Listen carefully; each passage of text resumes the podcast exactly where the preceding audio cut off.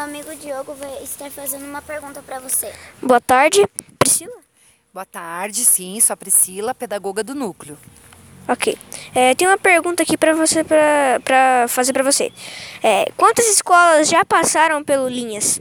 Olha, nós finalizamos o semestre, o primeiro semestre, com 100% das nossas unidades contempladas, ou seja, nós temos 19 escolas e 29 CMEs, e todas foram contempladas já no primeiro semestre. Muitas possibilidades, muitas oportunidades que o Linhas pode trazer para todas as unidades.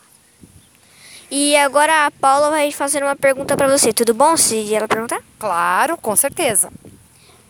Priscila, qual é o número de pessoas participantes desse evento? Olha, do evento de hoje? Sim. Olha, nós tivemos a presença de muitas escolas, nós tivemos a presença também de muitos CMEs. Eu acredito que hoje, somando o período da manhã e o período da tarde, nós passamos aí de 60 pessoas, 70 pessoas. Agora eu tenho mais uma pergunta a você, Priscila.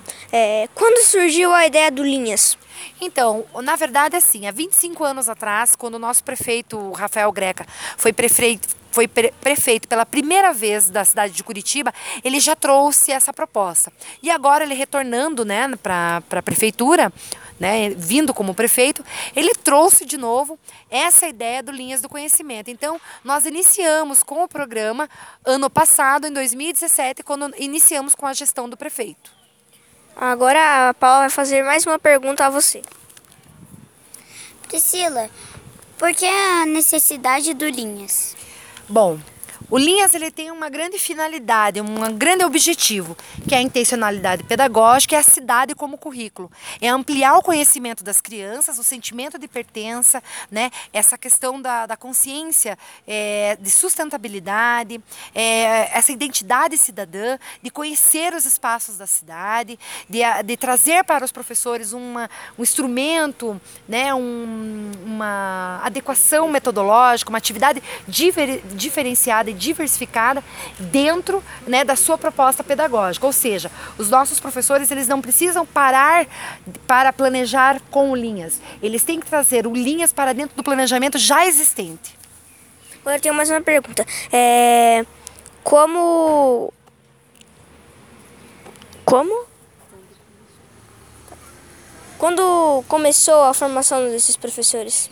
Quando começou a formação, nós iniciamos a formação do Linhas no primeiro semestre deste ano, ou seja, agora em 2018. Foi o semestre inteiro, né? Foi o primeiro semestre inteiro. Nós tivemos uma participação muito grande dos nossos professores, não só professores das escolas, como os professores desse mês e também particip tivemos participação de pedagogos e de diretores.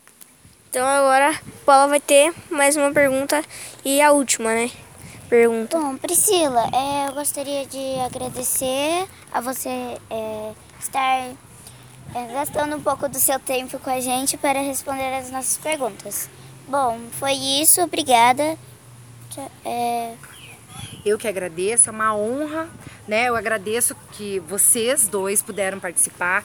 Agradeço ao professor Michele, ao diretor Valdinei, de estarem sempre presentes, né? Contribuindo com as práticas e valorizando esses momentos. Eu agradeço muito esse olhar que vocês têm, essa preocupação, né? De registro, de memória, porque isso que a gente está vivendo hoje aqui vai ficar na memória. Com certeza. Obrigada. Obrigado.